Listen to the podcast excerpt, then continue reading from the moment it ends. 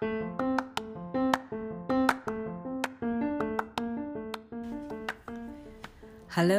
apa kabar semua? Selamat datang di podcast pertama saya. Saya Riani Jangkaru.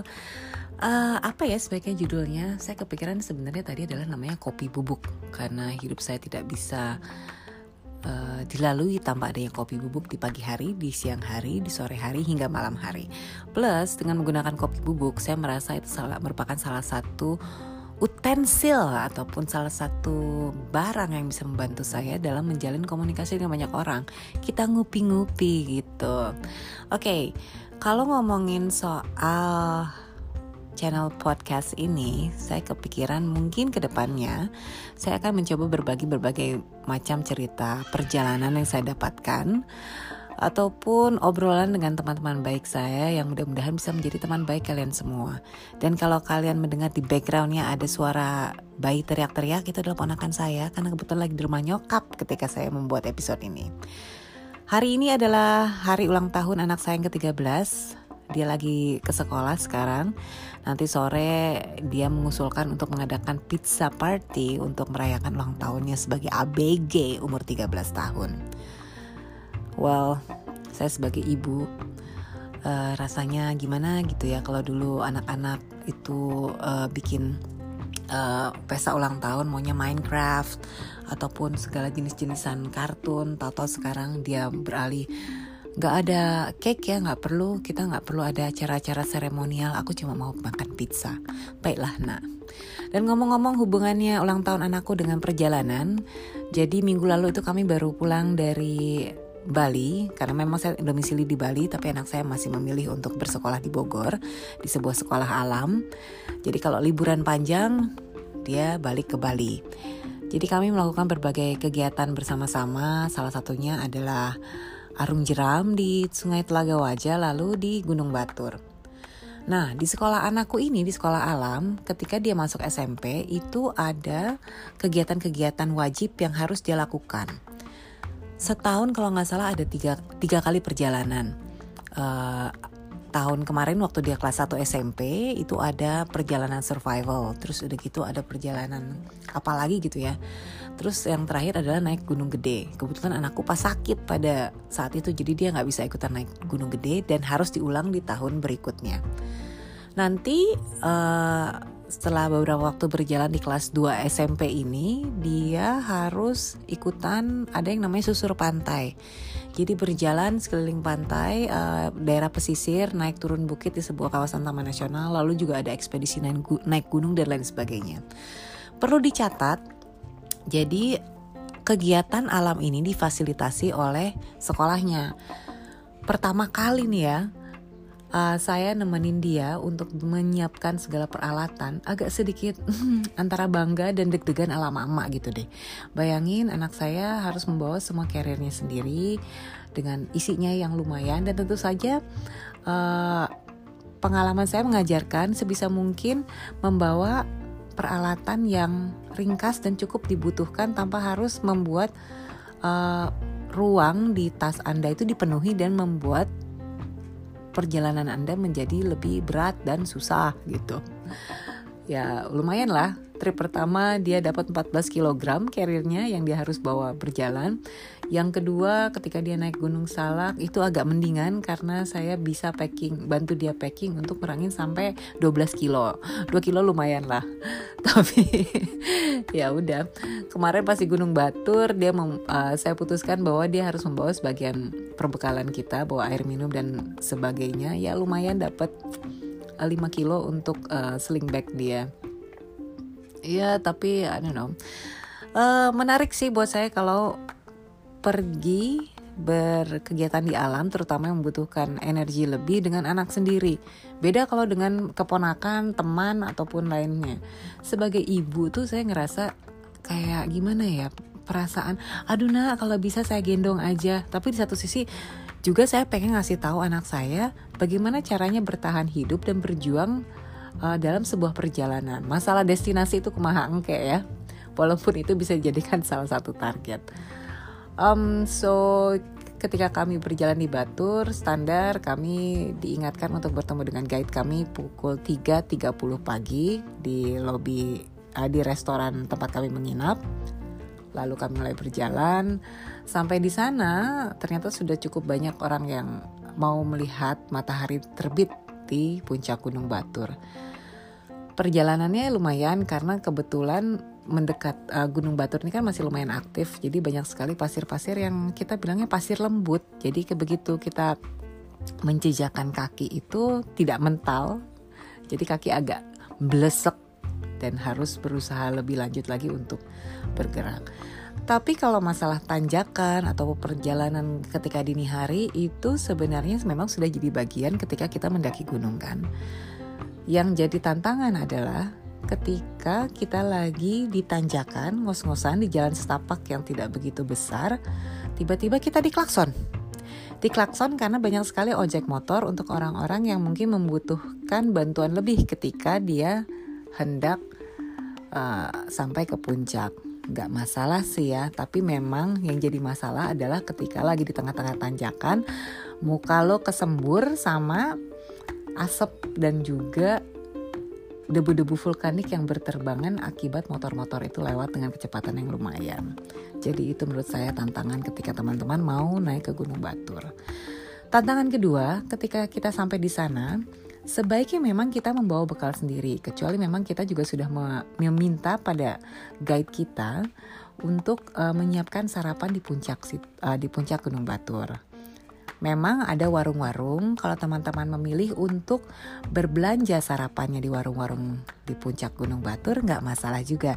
Tapi harus diingat ada harga yang sedikit harus ditambahkan dari harga biasanya.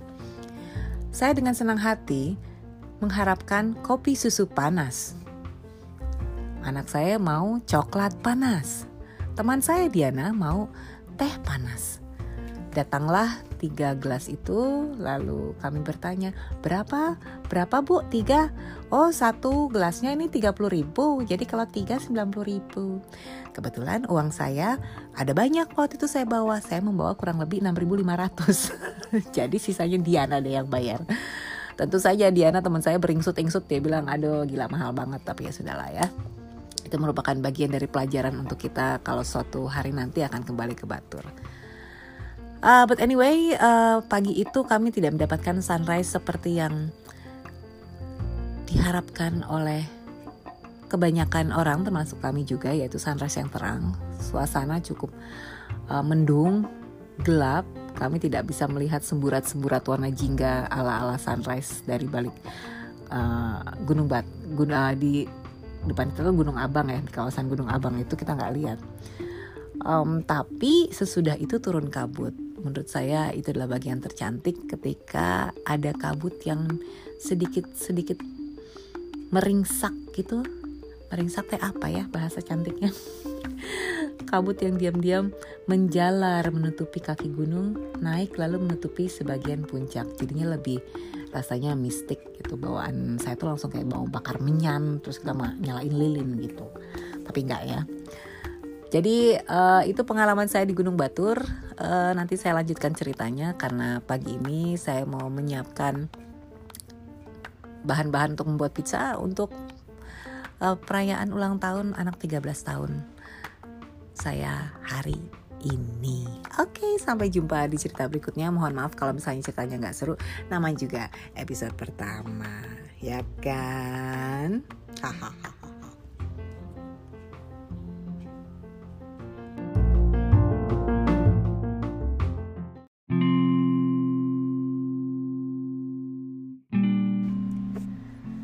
Hari ini saya tidak tidur. Memikirkan salah satu konsep dari Eight Limbs of Astanga yang biasa diajarkan di kursus-kursus sertifikasi yoga. Salah satunya yang paling populer itu yang disebut dengan ahimsa, non-violence bukan melulu fisik, bisa verbal. bukan melulu ke diri sendiri, bukan melulu ke orang lain, bisa ke alam, pikiran, gak melulu juga kita bela-belain atas nama cinta lalu kita menyakiti orang lain.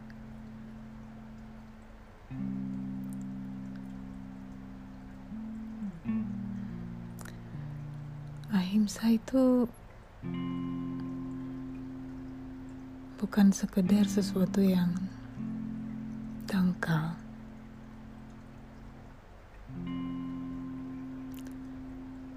Untuk merasakan cinta, kasih sayang, kebaikan, kita harus mengenal dengan baik sebaliknya.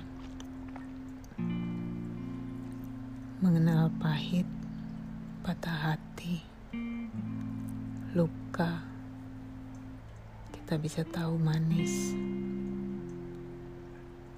cinta, dan sembuh.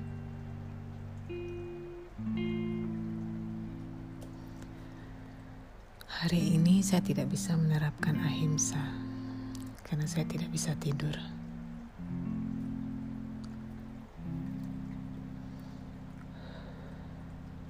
Saya melakukan kekerasan yang tidak mungkin untuk dilawan pada tubuh saya. Pikiran saya terus berputar, sibuk sana kemari.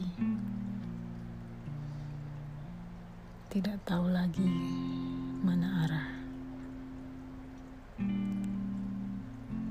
Mungkin semuanya tersesat.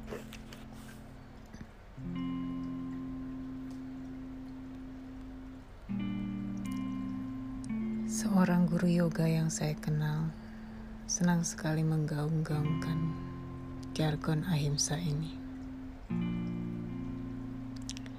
Pada praktiknya kita semua manusia. Apa yang kita dengungkan, apa yang kita teriakkan, belum tentu dilaksanakan, belum tentu diaplikasikan tentu bisa diaplikasikan ke orang lain. Jika nomor satu, fokus pada tidak ada kekerasan di diri sendiri, tapi ada kekerasan pada orang lain.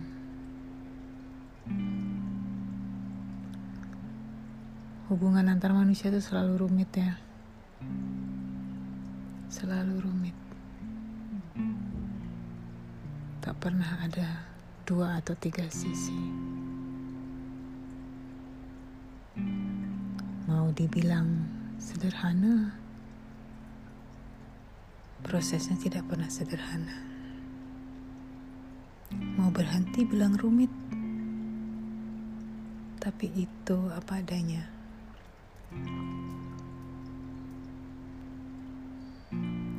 Hari ini saya tidak tidur hanya memikirkan satu kata, mencoba memaknai bagaimana saya bisa menerapkan ahimsa.